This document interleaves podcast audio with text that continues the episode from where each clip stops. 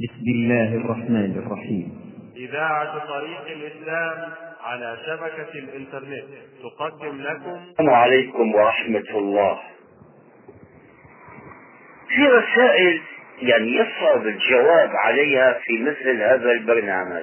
هذه رسالة من شاب أولا مكتوبة كتابة صحيحة وتدل على بوادر نبوة. قال يريد أن يكون كاتبا ويقول بأنه جرب أن يكتب يعني أشياء قليلة أن يعبر بعبارات صحيحة عن خواطر تخطر له قال كيف يكون كاتبا؟ هذا شوفوا هذا الجواب عندي لكن لا أستطيع أن ألخصه بجمل قليلة.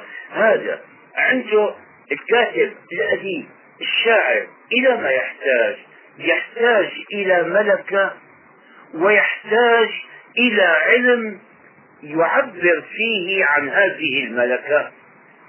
الشاعر إذا كان عنده ملكه فقط وما تعلم من العلم شيئا بيكون من شعراء العوام. العوام هلا الشعر العامي مهما اختلفت أسماؤه وتعددت يعني تعددت الشعوب العربية الناطقة به وغير العربية أيضا. قد تأتي فيه معان وتأتي فيه صور وأشياء جميلة جدا. ربما يجيء في بعض الشعر العامي معاني وصور ما قل مثلها في الشعر الفصيح. لكن مثال مثل إيش؟ مثل تمثال جميل جدا. تمثال على شكل إنسان يعني كامل جيد لكن مصنوع من الثلج. بلاد الباردة في الشمال يعملون تماثيل من الثلج. الأولاد ويلعبون بها. قد يكون متقن الصنع جدا. بس تطلع عليه الشمس فيذوب. أحيانا يكون مصنوعا حلية صورة نفيسة جدا. صناعتها في غاية الإتقان لكن مصنوعة من النحاس مصنوعة من معدن رخيص. ما له قيمة؟ هذا مثال الشعر العامي الشعر الفصيح يكون فيه هذا الإتقان وهذا الجمال وتكون مادته قيمة من الذهب. فكيف يتعلم الكتابة هذا؟ ويسألني بعدين قال أنا كيف تعلمت؟ وعمن ورث ما بدي لا أريد أن أحول الكلام إلى كلام شخصي عني أنا. أنا أبي كان عالما فقيها ما كان كاتبا ولا كان أديبا. أسرتنا أسرة فقهاء ما طلع منها آه، آه، أدباء يكتبون. لي خال كان في مصر يكتب كتابة ما هي أدبية خالصة؟ كتابة فكرية إصلاحية جيدة. هو محب الدين الخطيب. أنا أفكر أحيانا أساتذتنا الذين طالما أثنيت عليهم بذكرياتي وبينت سعة علمهم واطلاعهم والله في منهم ما وجدت بعده مثله ما وجدت بعده مثله. منهم من كان الشيخ عبد القادر المبارك يحفظ القاموس المحيط غيبا. الاستاذ الجندي يمكن يحفظ من الشعر يعني ما يعد بعشرات آلاف الأبيات. لا تعجبوا لا, لا تعجبوا.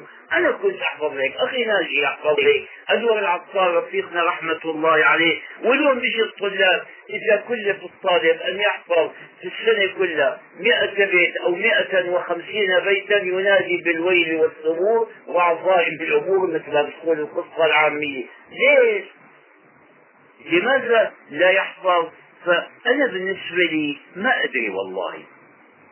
كيف تعلمت الكتابة لكن الذي أدري أقول لكم تجربتي. نحن كلنا أنا ومن كان في مثل سني ممن يشتغل بالأدب وبالشعر الآن وهم يعني كثير. لا والله ما عادوا كثيرين بقيوا خلائق كنا كلنا عالة على المنفلوطي وعلى النظرات. يوم كنا صغارا كان أشهر كاتب عربي المنفلوطي كان يوم تصدر النظرات يتسابقون إليها وكان ثم لما جمعت في كتاب نشأنا عليها اليوم طلع كتاب أكثر وما في شك يعني أعلى درجة من المنفلوطي في الفكر وفي الأسلوب لكن نحن نشأنا عليه. ولم أقرأ لكاتب محدث غيره لكاتب غيره من المحدثين وكانت كل قراءتي بالكتب القديمة. فالذي أنصح هذا به هذا يحتاج لأمرين. يحتاج لأن يقوي لغته وأسلوبه أن يكون أسلوبه الذي يكتب به أسلوبا صحيحا فصيحا. بالمناسبة مو كل كلمة فصيحة كل كلمة صحيحة تكون فصيحة لا. انتبهوا لها. هلا. قالوا كلمة الطويل. قال كان للعرب كذا عشرات من الكلمات بمعنى الطويل فتركوها واكتفوا بكلمة الطويل. مو كل فصيح مو كل صحيح يكون فصيحا هلا في عنا ما في حننتقل واطلع بحث أدبي لغوي كلمة ثانية واتوا هلا حب وأحب. كلاهما بمعنى واحد.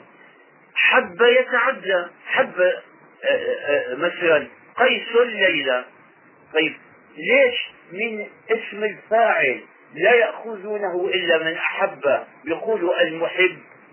عمره حدا قال الحاب لو قال على كلمة المحب لها وقع في الأذن جميل ولها أثر في النفس طيب وتفتح آفاقا من الذكريات وجاءت في ما لا يحصى من الأشعار. كلمة حاب ما حدا قالها اسم المفعول لا يأتي إلا من حبة من الثلاثي المحبوب. قول المحب من أحب. طيب حتى عند العوام. هلا الأغنية المشهورة الأغنية يقولوا أغنية لا أغنية مفعولة هي على بلد المحب والدين عوض المحبوب قديش نزل كانت فوق الجملة في ذروة البلاغة رابطت إلى الحضيض فمو كل صحيح الحافظ هذا الذي يريد أن يكون كاتبا. الملكي يبدو من كتابته من رسالته أنها موجودة عنده. ولا أعرف اسمه ولا كتبه. فهذا يكثر من مطالعة الكتب الأدب القديم. والأدب القديم كمان كلمة أخرى والله طولت في الموضوع ولا أحب أن يضيع الحلقة فيه. كتب المختارات الأدبية شو بيختاروا؟ يختارون لابن العميد وللصاحب ابن عباس وللقاضي الفاضل ولأمثال هؤلاء. وبديع التمام في المقامات وما أدري ماذا لكل هي والله ما لقيت مو هي في عندكم نصوص عندكم نصوص أخرى ما ينتبه إليها أحد فيها الأدب كل الأدب وفيها القدوة للمتأدب ينشأ عليها. هذا في السيرة بالسيرة في قصص كاملة تجتمع فيها كل شروط القصة. لما سيدة عائشة سيدة عائشة من أبلغ من نطق بالعربية رجالا ونساء. لما ذكرت قصة الإفك حدثت بها هي التهمة اللي اتهمت بها ولذلك يقولوا لا دخان من غير نار مو صحيح؟ هي طلع الدخان وملأ الدنيا كلها وما في نار. اتهمت تهمة كل الأدلة المادية ضدها تأخرت الرسول اللهم صل رجع من الغزو وبعدين شوي جاي هي وهذا صفوان اللي لا بقربها ولا شيء. لما رأوها قادمة معه المنافقون طلقت ألسيتهم عندهم ولذلك لا تأخذوا بالتهم الظاهرة.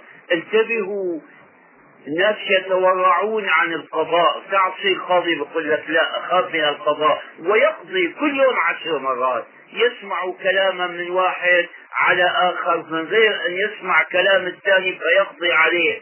هذا صار قاضيا. فالحاصل حديث الإفك على لسان السيدة عائشة. حديث لما تخلف كعب بن مالك عن عن غزوة تبوك قرأوها بسيرة ابن هشام قصة كاملة فيها تحليل الشخصيات وفيها ظروف الحادث الزمان والمكان. وفيها الحادثة مفصلة. يعني كل شروط القصة موجودة فيها. قصة سيد عمر بن الخطاب كان له والصاحب يتناوبان. يوم هذا بيطلع للمزرعة ويبقى الثاني في المدينة. يستمع ما يقول رسول الله عليه الصلاة والسلام. فينقل إليه وثاني يوم لما نقل إليه قال له إنه وقع حادث عظيم. قال له طلق غسان اللوم قال له لا أشد. صار كذا أشد قال له طلق رسول الله نساءه. رأوا القصة اللي يرويها عمر بلسانه. فيها حاصل أريد أن أقول في بعض الأساليب في السيرة وفي التاريخ بل وفي كتب الفقه هذه لتكون عند طالب الأدب الأسلوب الصحيح. الأسلوب الصحيح. مو الأسلوب المصطنع لصب كلام مثل مقامات الحريري. هذه فيها تعب وفيها مشقة مثل واحد يذكرون أنه جاء عند خليفة من الخلفاء. معه إبرة. يلقي إبرة في الأرض. ثم يأتي بالثاني فيلقيها بتنزل بثقبها. ما في الإبرة إلى الثقب وإلى الثانية الثالثة 100 وحدة. قديش تعبان فيها حتى وصل لها؟ يروون وإن كانت خرافة إنه أعطوه 100 دينار وضربوه 100 جلدة. 100 دينار على البراعة والذكاء إنه شيء غريب. و100 جلدة لأنه صرف ذكاءه في أمر لا يفيده ولا يفيد أحدا. نعم. هذه رسالة مهمة. تلفت النظر لناحية اجتماعية عظيمة حقيقة. أقولها باختصار. المرسل مجاهد منصور. تأخرت عندي. عم يتكلم عن إنه مدينة شدة قال من قديم الزمان كانت تعاني من قلة المياه. نعيش على مياه الأمطار والصهاريج والآن الحمد لله صارت مصادر جديدة وينتقد الشيء أن أغلب الناس يقول أغلبية المواطنين ما قدروا هذه النعمة وما تبذله الدولة في سبيل توفيرها. نعم ف عم يقول انه كنا في قديم الزمان نستخدم مياه البحر المالح في غسيل الحمامات ونحتفظ بالماء الحلو للشرب والأكل فقط قال اليوم كل عمارة فيها لا تخلو من حمامين عربي وإفرنجي وكل حمام معلق بسيفون يحمل صفيحة من الماء. آه آه نعم. آه وقال يعني كل واحد يقذف بها يضيعها خلف استعمال بعد استعماله الحمام. وقال الباني والذي يحمل طنا من الماء يستحم به كل فرد.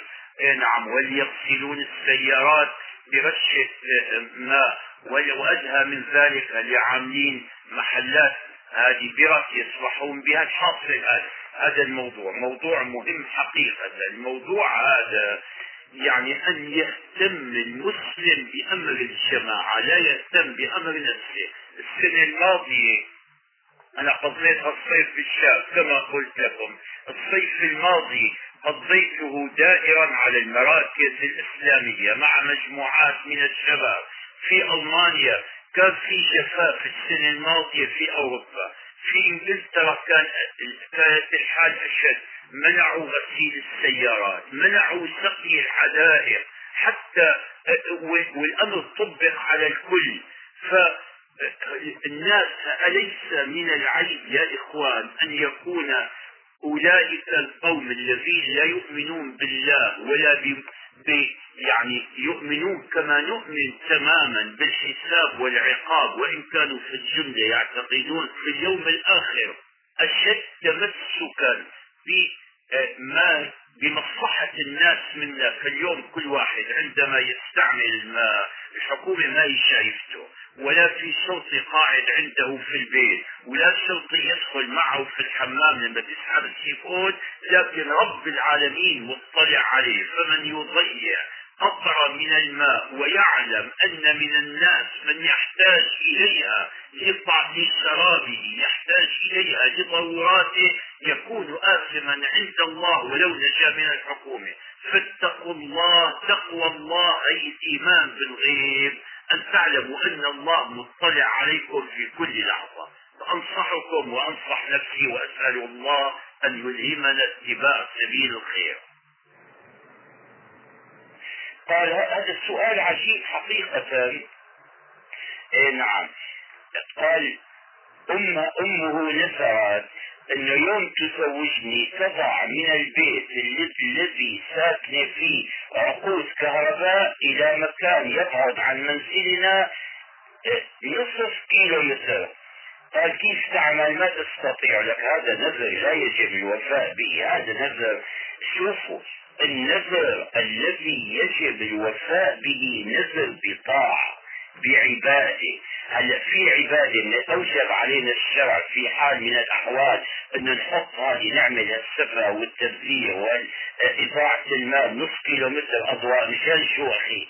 اليوم هلا إذا واحد أو واحدة نذرت أن تصلي. الصلاة قربة إلى الله. وعند الحنفية بعض الفقهاء أن تكون أن يكون النذر بطاعة وأن تكون الطاعة مفروضة. جنس الطاعة مفروض. نذرت أن تصلي مثلا لله عشر ركعات. هذا يجب لأنه في هذه طاعة وفي صلاة واجبة. نذرت أن تتصدق على الفقراء هذه طاعة وفي زكاة واجبة.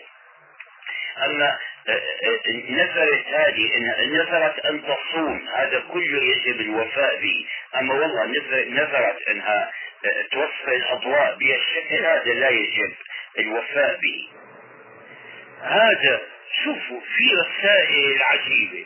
هذا يشكو من عمدة حي من الأحياء وينسب إليه أشياء يعني فيها مؤاخذة إذا ثبتت. لا لا الرسالة اسم ولا لمرسلها عنوان. أنا كنت قلت قبل الآن أنا الشكاوى التي تأتي إلي أعتقد أن مما يجب علي في هذا البرنامج وتريده أيضا يريده الحاكمون أن يرفع الظلم عن الناس. فإذا كتب إلي مظلوم يشكو من رئيس أو من جهة من الجهات أنا أرفع شكواه إلى من يستطيع أن يشفيه.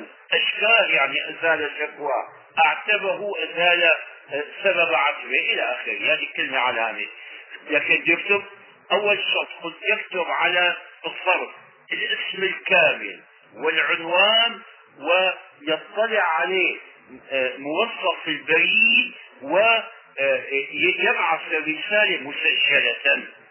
ولا واحد يكتب لي والله فمرة واحد بعث لي من قبل مدة قريبة كتابي والعياذ بالله. مقولة تحطوا لي في الحبس. وقال أنت لا تكون جبان. كون جريء وكون شيء وان نقوله طب من شو أنت من حضرتك؟ قال فاعل خير. فاعل خير. فاعل شر. بدك تجعلني أظلم الناس واتهمهم وأظلم نفسي. نصيحه اللي يريد أن يشكو عليه؟ هو أن يكون شريئا وأن يظهر. شوفوا هذه ولا خليها رسالة بعدين رسالة جيدة لكنها طويلة. نعم.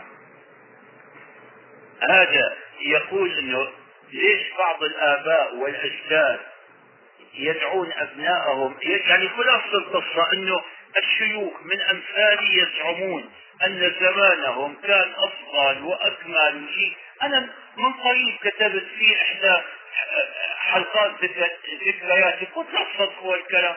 أنا كنت أقوله كل واحد يقوله لا والله في أيامنا كان عندنا خير كثير وشر كثير. والآن في بعض الشر هذا قل وتخلصنا منه وبعضه وبعض الخير نقص. فكل عصر ينبغي يكون عندنا ميزان. الميزان هذا الشرع والعقل. العقل اولا اولا مو بالتقدير اولا بالدرجة. لأنه اللي ما هو عاقل اللي ما في عقل ما يمكن أن يفهم الشرع. ربنا خاطب بالشرائع العقلاء. فاذا العقل اولا اولا سبق زمن. مو سبق منزله ومكان لا سبق زمني يكون عاقلا. ثم يفهم بعقله الآيات والأحاديث وأحكام الشرع. ثم يطبقها على الحوادث. لا إيه، إيه، إيه، المقياس شو هو؟ الشرع يعني المقياس العقل على ضوء الشرع. العقل لكن على ضوء الشرع اذا واحد ماشي في سقاط مظلم بالليل يمكن يقع في حفرة يحتاج لضوء. الضوء هذا الكشاف هذا اللي بيده هو الذي يضيق له الطريق ليستعمل عقله بعد أن يرى الحفرة لاجتنابها. فهذا.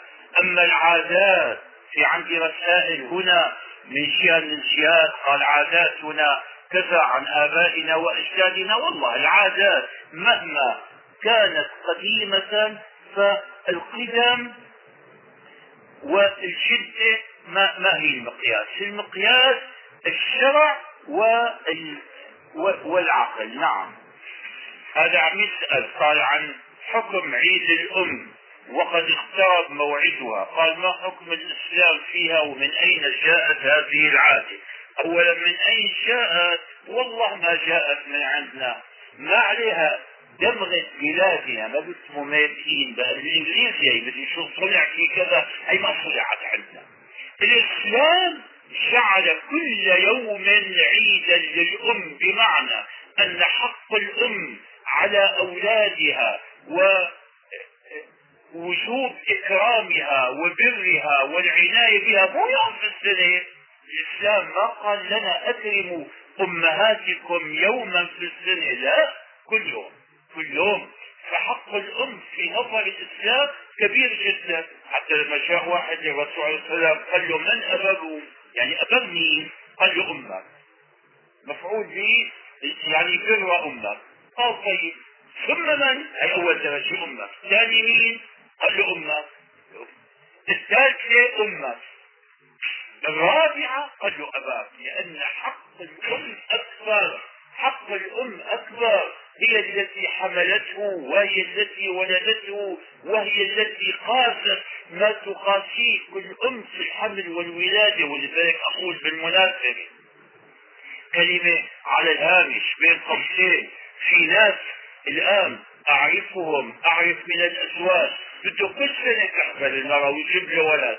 أنا بدي أنا أحب الأولاد. لك يا عمي أنت أنت ما, ما تقاسي ما تقاسيه المرأة. هي اللي تحمل في بطنها وانت ماشي خفيفا. هي اللي تستح... آلام الولادة تقاسيها وأنت لا تقاسي شيئا. هي تشتغل في تربية الطفل وأنت قاعد نائم حتى بعض الأسود والله جاءتني رسالة في ناس قلوبهم من صغر ناس ما يخافون الله ولا الصغير. عمره أشهر قال ليش بكى في الليل؟ وأزعجه؟ قام آتى الأم وألقى الطفل مثل ضرب الطفل طفل عمره أشهر فأقول يعني الإسلام قال لنا كرموا الأم كل يوم. أما اتخاذ يوم معين عيد معين للأم هذا ما هو إسلام. الإسلام وضع لنا جعل لنا عيدين. وكما قلت لكم قبل الآن العيدان إسلاميان قرآنيان. العيد عيد الفطر هذا احتفال بنزول بداية نزول القرآن شهر رمضان الذي أنزل فيه القرآن. إنا أنزلناه في ليلة القدر. هذا عيد أي مناسبته. وعيد الأضحى أيضا أيضا مناسبة قرآنية. اليوم أكملت لكم دينكم. فنحن نحتفل ببداية نزول القرآن وبانتهاء نزول القرآن. أما اليوم صار عند الناس أعياد ما عادت تعد ولا تحصى. عيد الربيع وعيد العلم وعيد الأم وليش ما سووا عيد الأبكار بس الأم وعيد الشجرة وعيد ما أدري ماذا يعني. كثرت الأعياد لدرجة إذا كثرت ما عاد لها قيمة. هذا ليش الألماس؟ الألماس له قيمة. الألماس. ما تقولوا ألماس. وإن كان الفيروزبادي في القاموس قال مفرد هامات هي ألماس الألف واللام من من بنية الكلمة هذا الأصح. الألماس لأنه نادر صار غاليا لو كان كل حجارة في الدنيا من الماس لو بلد كل حجارتها الماس بعد له قيمة إذا صار كل حجر الماسا صار الالماس حجرا نعم فإذا بالندرة في الأعياد إذا كل كل يوم بالتالي نعمل عيدا عيد والله العيد ما ما عاد له قيمة على الصورة. نعم. هذه عندي مجموعة هنا من الرسائل. والله ما أدري مجموعة مو واحدة. وكل رسالة طويلة جدا. بإمضاء هي واحدة بإمضاء. محمد صالح لا. إسماعيل محمد صالح. وين ما بعرف إيش. إنه عندهم في السودان قال المآتم اللي تقام عندنا في السودان وتسمى الفراشات يتم شكلها بضم الفاء. هو عم يقول. والرسالة الثانية كمان مشكلة إيه فراشات هذا شرح لي واحد. قال ومفردها فراش ولا أعرف لها أصلا. هي قال أصبحت مكانا للنميمة والقطيعة وأصبحت مكانا للعاطلين على العمل لأنهم يأخذون الإذن من أماكن عملهم للحضور لهذه المآتم والجلوس فيها ويقضون أوقاتهم في كلام الدنيا ولغو الحديث الحاصل هذه. طيب ماذا يعمل هنا؟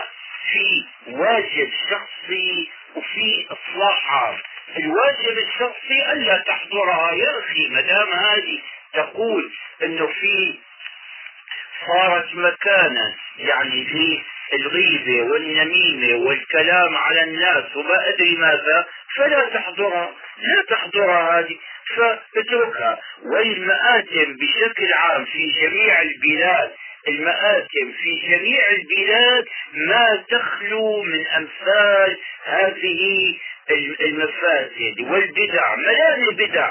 كل بلد من البلدان في أنواع من البدع في المآتم وحين التعزية.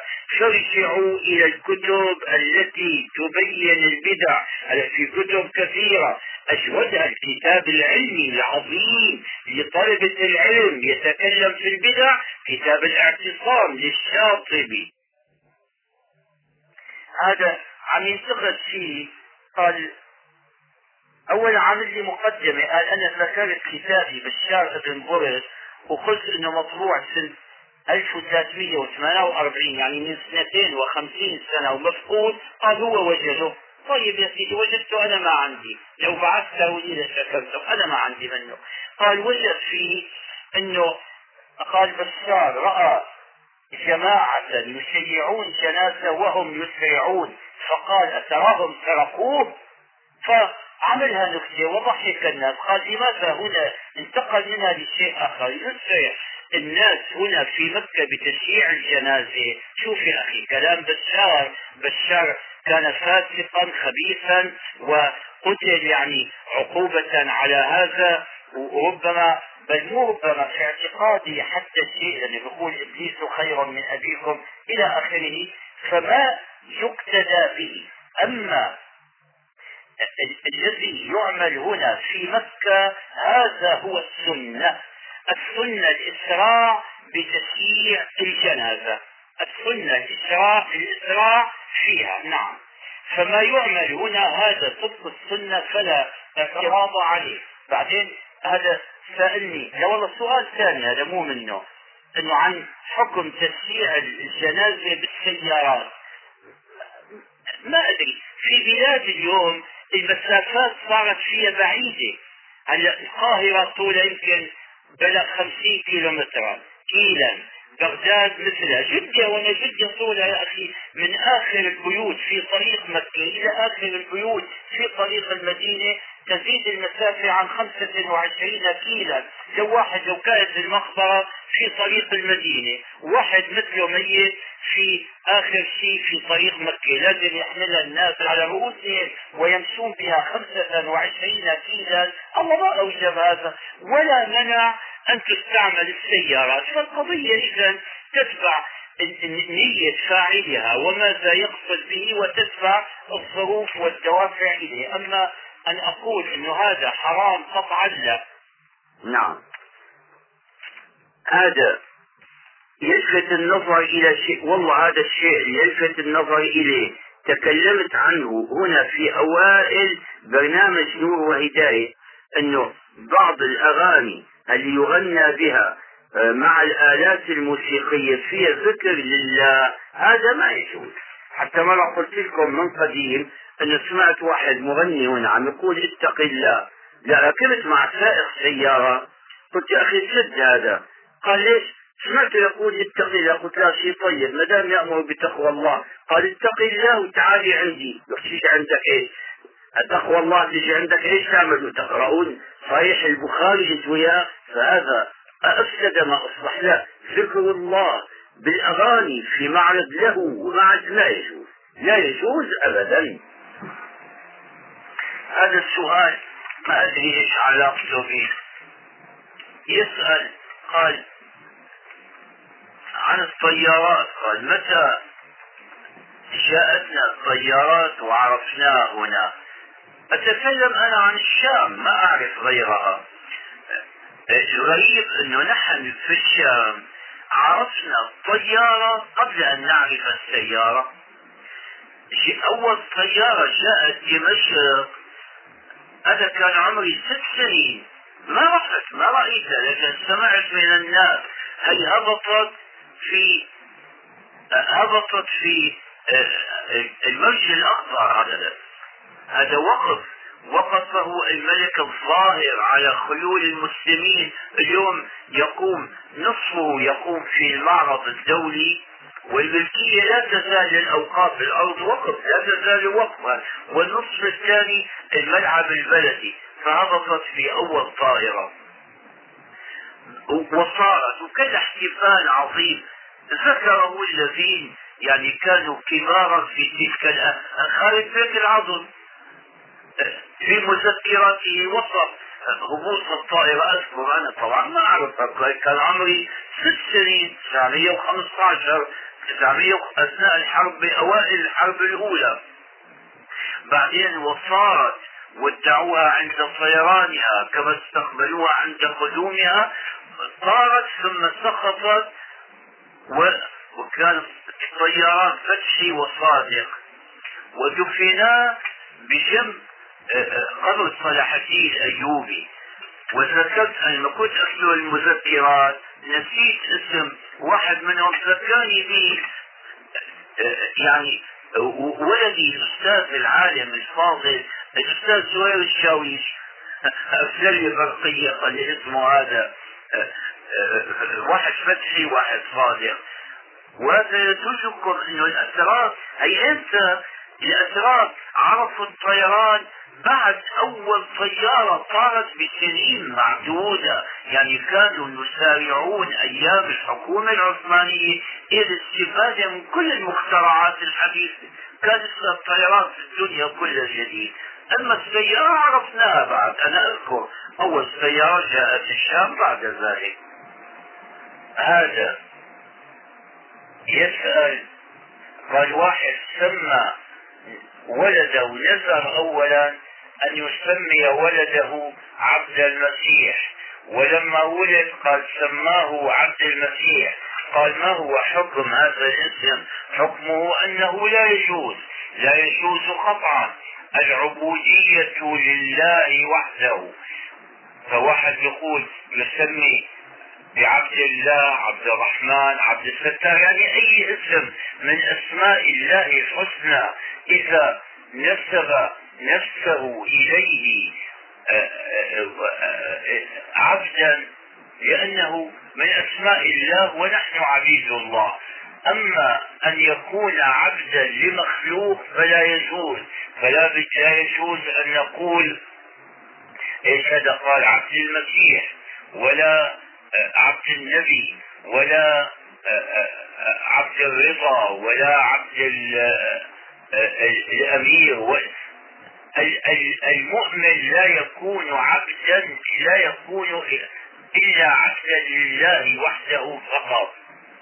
والذين رفضوا أن يكونوا أن يعترفوا أنهم من عباد الله يعني رفضوا العبودية لله واصروا على كفرهم وحاربوا المسلمين وأسروا أسلهم الله فعاقبهم بأن جعلهم عبدا لعبيده. على الأسرى من المحاربين الكفار هذا أمرهم للحاكم المسلم الذي يحكم بشرع الله بعد طبعا معرفة حكم الشرع بمشورة العلماء إذا كان لا يعرف هو أما الحاكم العالم كالخلفاء الراشدين ومن يلحق بهم هذا يعرف حكم الله من غير أن يسأل. بل ربما سئل. هذا عمر بن عبد العزيز كانوا يقولون عنه أنه إذا اجتمع بالعلماء أحسوا أنهم كالتلامذة له. فمن أبى أن يكون عبدا لله عاقبه الله بأن جعله عبدا لعبيده فالخلاصة أنه لا يجوز أن يتسمى أحد بعبد فلان مهما كان هذا الفلان من المخلوقين. الشباب يريدون أن يتزوجوا فلا يجدون السبيل للزواج من غلاء المرور والعادات والأشياء التي تكلمنا عنها مرات كثيرة. ولذلك يريدون مخرجا. مرة واحد كتب لي أنه شو حكم الزواج بجنية. قلنا له يا عمي يوم تلاقي جنية وتتفق معها على الزواج تفضل قل لي. هذا شوفوا شو كاتب. قال سافرت عبر البحر وأثناء رحلتي تعرفت على جماعة كان بينهم أناس من رواد البحر أكدوا لي أن عرائس البحر حقيقة وليست خيالا عند ذلك خطر ببالي أنه هل يبيح الإسلام لرجل من البشر أن يتزوج من عرائس البحر؟ هذا الرجل ضاقت عليهم السبل ماذا يعملون؟ بدهم يتزوجوا من الجن بدهم يتزوج من عرائس البحر. لك يا أخي هذه عرائس البحر. نشروا مرة صورتها. وطالعوا وحدة من البحر الأحمر عند اليمن سمكة سمكة عادية لها شكل يختلف فيشبهوها. ما هي امرأة؟ يعني مو تظن انه امرأة حقيقة وإنما مبالغات الناس وتخيلهم تصور الأشياء. هلا ابن بطوطة برحلته المشهورة قال لك إنه في اشجار بجاوة ومدري إيش اشجار عالية تثمر ثمار على شكل رؤوس بني آدم ولها شعر طويل. تعرفوا شو الثمار؟ هذا جوز الهند اللي نسميه نحن ال ال النرجيل النرجيل لأني أنا مشيت على الطريقة اللي مشى فيه ابن خلدون. آه ابن خلدون عفوا ابن بطوطة تماما. بس المسافة اللي قطعها هو بالشهر كنا نقطعها بالطائرة. نحن بساعتين مشيت على الطريق ورأيت البلاد التي رآها كان صادقا في وصفه بس كان رجل يعني عنده طيب القلب أن نسميها بساطة الآن لدرجة أنه يصدق كل ما يسمع ويرويه في كتابه.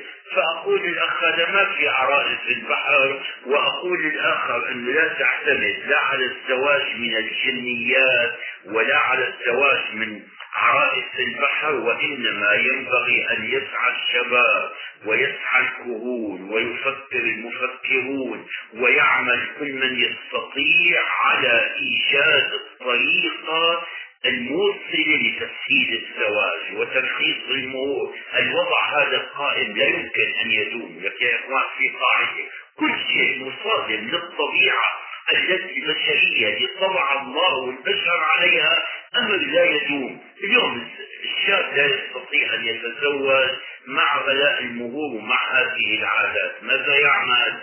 إذا استدلتم عليه طريقا حلال ربما يعني يدفع لا سمح الله فيسلك طريق الحرام ولذلك هل هل هل تعجز هل هل المملكة الطويلة العريضة بما فيها بمن فيها من علماء ومفكرين وأدباء وأصحاب أقلام هل يعجزون جميعا عن الوصول لطريقة للتخلص من هذه الأزمة؟ فكروا فيها لأزمة الشباب واقعوا فيها ويشكون منها. يا أما دلوهم حقيقة إذا في من الجنيات يفتح واحد ما في مكاتب عقارية سماسرة لبيع العقارات يدفع واحد ستة للتزويج من الجنيات إذا ما عارفين بالإنسيات نعم هذا بيقول لي شوف سؤال غريب قد قعد هذا يدقق في حياة النمل وتنظيمها هي ماشية بعدين قال يرى النحلة كيف تعمل البيوت هذه المسدسة المنتظمة المنتظمة اللي يعجز يعني قال كثير من الناس عن عمل مثلها وفعلا شوفوا هلا الشيء العسى الإنسان مع شهدي البيوت هذه بيوت منظمة. قال هل معنى ذلك أن الحيوان أبقى تفكيرا من الإنسان؟ لا شوفوا المسألة دقيقة. هذه ليست قضية عقل وليست قضية تفكير. هذه غريزة ربنا عز وجل علم كل حيوان ناحية يتقنها. أنا في هنا رأيت شيئا في عصافير صغيرة جدا موجودة هنا في مكة. تبني أعشاشا كنا ذهبنا مرتين في آخر المسفلة في بستان للكعكي جزاه الله خيرا يفتحه للناس. يعني لمن يريد يعني التنزه فيه. فرأيت أعشاشا للطيور. ما في عشب منها. يأخذون هذا تأخذ الطيور القش هذا تعمل على شكل قصة صغيرة على شكل عقيدة صغيرة وله فتحة ضيقة ومعلق أيضا بخيط من القش معلق بغصن بالشجرة. صناعة متقنة. لو شفت واحد من الناس الأذكياء قلت له اعمل مثله لا يستطيع. النحل يبني البيوت هذه كما قال الأخ المسدسة بستة أضلاع طول ضلع لو قسه بأجزاء المليمتر ما يختلف عن الثاني الطيور المهاجرة التي تأتي تقطع نصف الكرة الأرضية من الشمال فوق من الجزء الشمالي من الكرة الأرضية حتى تأتي المناطق الدافئة الشيء الغريب تأتي هناك فتبيض ولما بتفقد هذه البيوض وتخرج الطيور الصغيرة ترجع إلى المكان الذي جاءت منه. من علمها هذه اسمها غريزة هذه غير العقل. والدليل على ذلك أن الطيور التي تهاجر تقطع نصف الكرة الأرضية فلا تضيع وتعرف طريقها. إذا جبت حطيتها في الدور الثاني من بيت وسدلت النوافذ تجي تضرب تضرب الزجاج برأسها ما بتعرف تطير فوق الدرج وتطلع على الشارع. النحلة اللي تعمل البيوت المنظمة تحبسها بقارورة مفتوحة من فوق تضرب راسها بالزجاج حتى تموت ما بتعرف تطلع من فوق. إذا هذا غريزه مو عقل الغريزه تأتي بأعمال متقنه لكنها محدودة. ومن ذلك بالمناسبة أقول هذا الكمبيوتر بعض الناس يسمونه العقل الإلكتروني. لك ما هو عقل؟ مو عقل ابدا. بدليل مرة تجربة هذه وضعوا فيه ساعتين.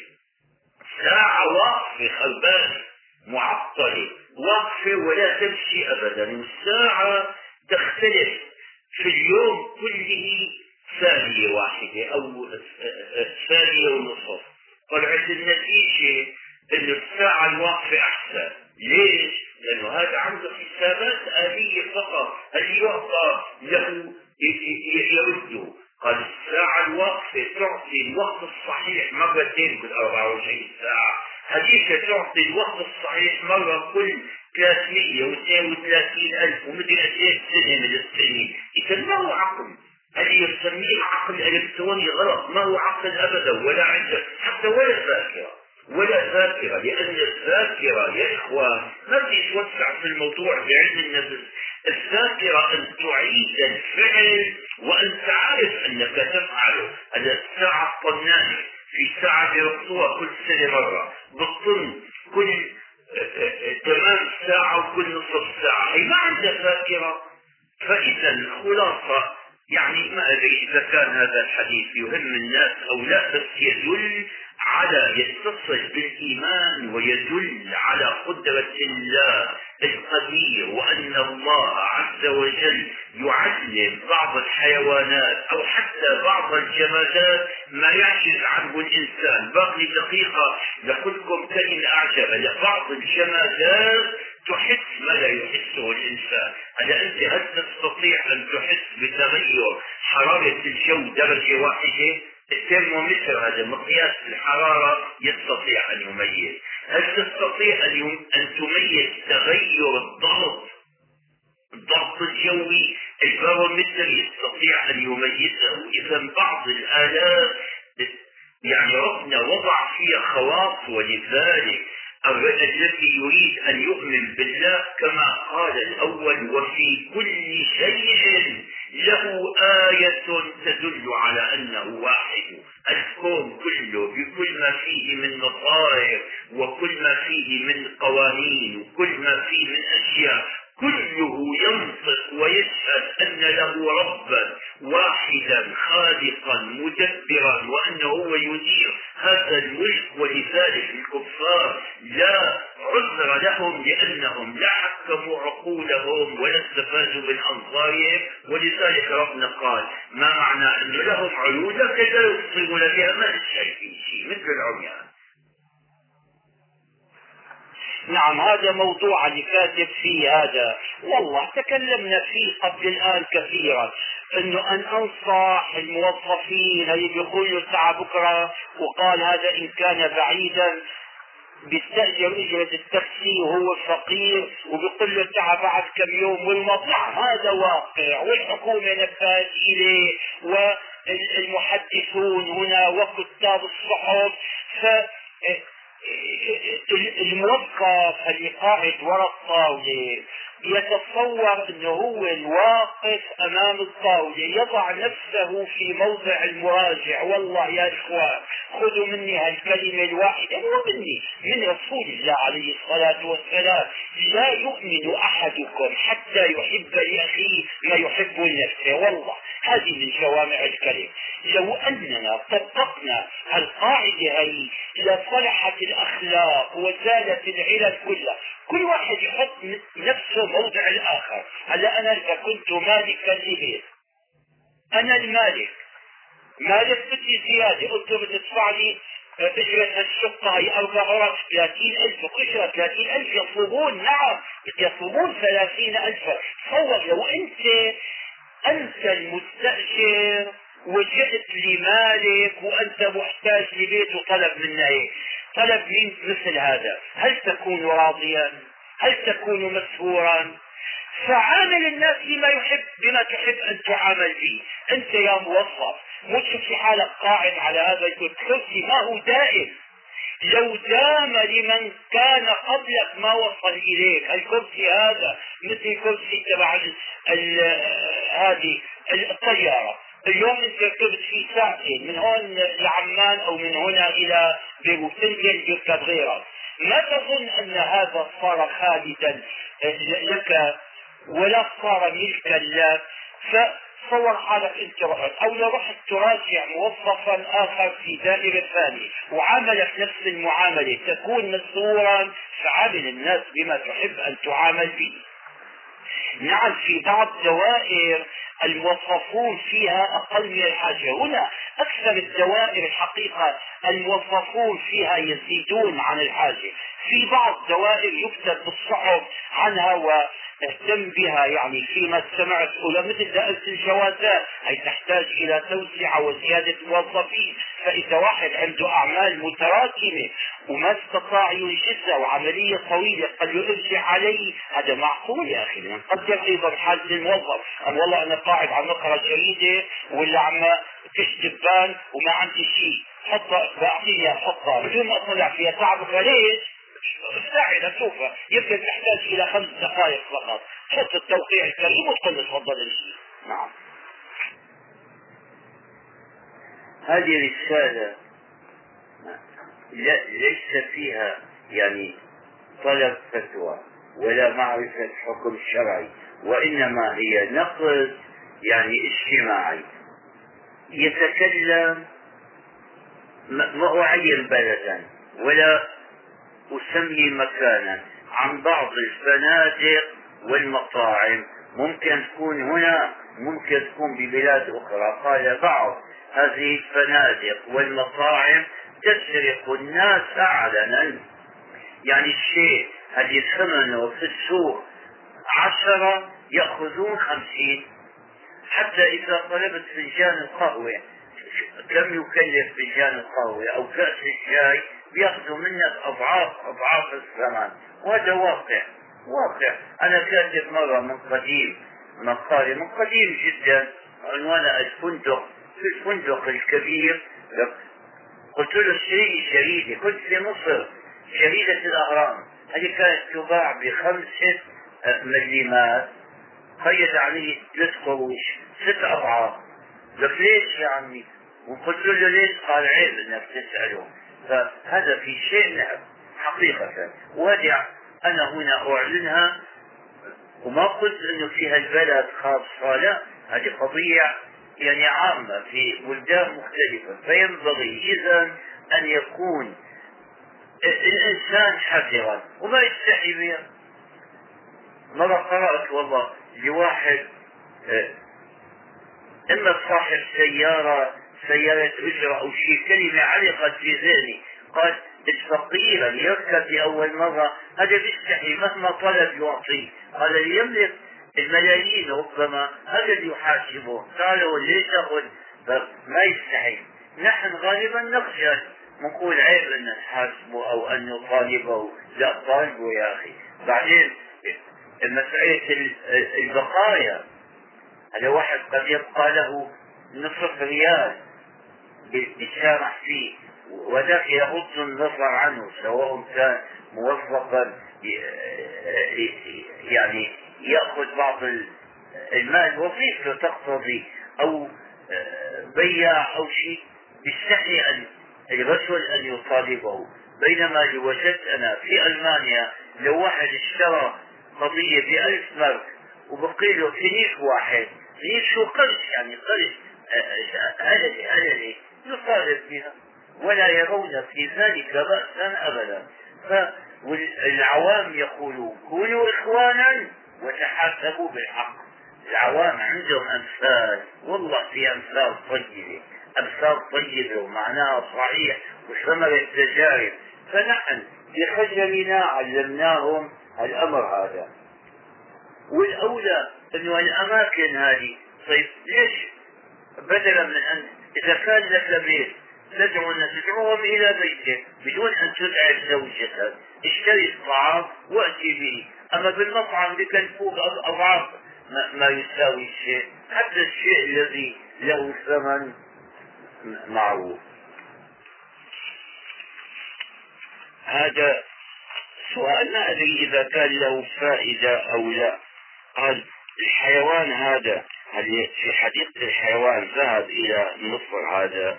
فوجد هذا سيد قشطة يقول عنه قال ما اسمه الحقيقي عند العرب. والله ما أدري. أظن أن العرب العرب ما عرفوا هذا الحيوان. يعني هذا حيوان مائي غليظ. لا إله إلا الله. شوفوا رب العالمين. خلق حيوانات رشيقه لطيفة مثل الغزال. من اغلب الحيوانات هذا فرس البحر يقولون عنه. فرس البحر. ليش؟ لماذا سموه السيد قشطة اسألوا إخواننا هنا الأساتذة المصريين. قل منهم من يعرف. يعرف هذا مين آه، يعرف أوضاع مصر قبل شيء ستين سبعين سنة وله اتصال بالوسط الفني. هذا كان في واحد من المشتغلين بالموسيقى وبالفن آه، في مصر وخفيف الروح. غالبا التخان هذول تكون عندهم خفة روح. اسمه سيد قشطة. زلمة إنسان. إنسان معروف ورجل من أهل الفن. سمين جدا وضخم جدا اسمه سيد قشطة فلما جاء الحيوان جاء إلى جاءوا به إلى الحديقة في مصر منذ الأيام من قديم كثير. والمصريون أهل النكتة من قبيل النكتة قالوا شوف هذا سيد قشطة مشي عليه صار اسمه سيد قشطة. نعم. هذه رسالة مطولة من سائل من, من غير السعودية. من بلد عربي. ستعرفون البلد من البيان الذي يبينه. قال نتزوج من سنوات بإحدى الفتيات وأنجبت منها ست أطفال وأحسست منذ بداية زواجنا بكراهية أنا ما أحب الحاصل. وقاعد معها على وضاق زرعا بالحياة وما في اتفاق بينهما نعم والكراهية قال تزداد يوما بعد يوم يريد أن يطلقها قال النظام المعمول به في بلده يمنع الطلاق. شلون يمنع الطلاق؟ ألا ربنا أباح الطلاق. والنصارى الكاثوليك اللي ما عندهم طلاق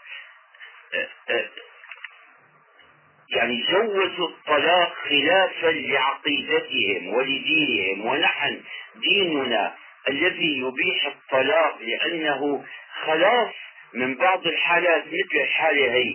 فمن الذي يمنعه؟ ما يملك أحد أن يمنع أن يحرم ما حلل الله هذه واحدة والنصارى قلت لكم فرنسا وغيرها ابتداء من فرنسا أباحوا الطلاق ودينهم.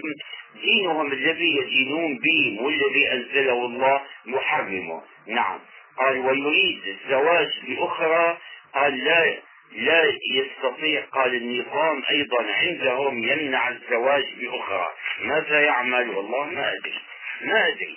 ف ولا يعني كيف اليوم على الناس من المسلمين يخالفون شرع الله فيحرمون ما أباح الله ويعني هذا لا لا يجوز ومن فعل ذلك فماذا يعمل؟ الرجل والله ما أدري اللي عنده حل منكم يقوله أنا قرأت الرسالة لي يعني بيان شكاوى الناس وما يجدونه لكن ما عندي جواب على كل سؤال أو حل لكل مشكلة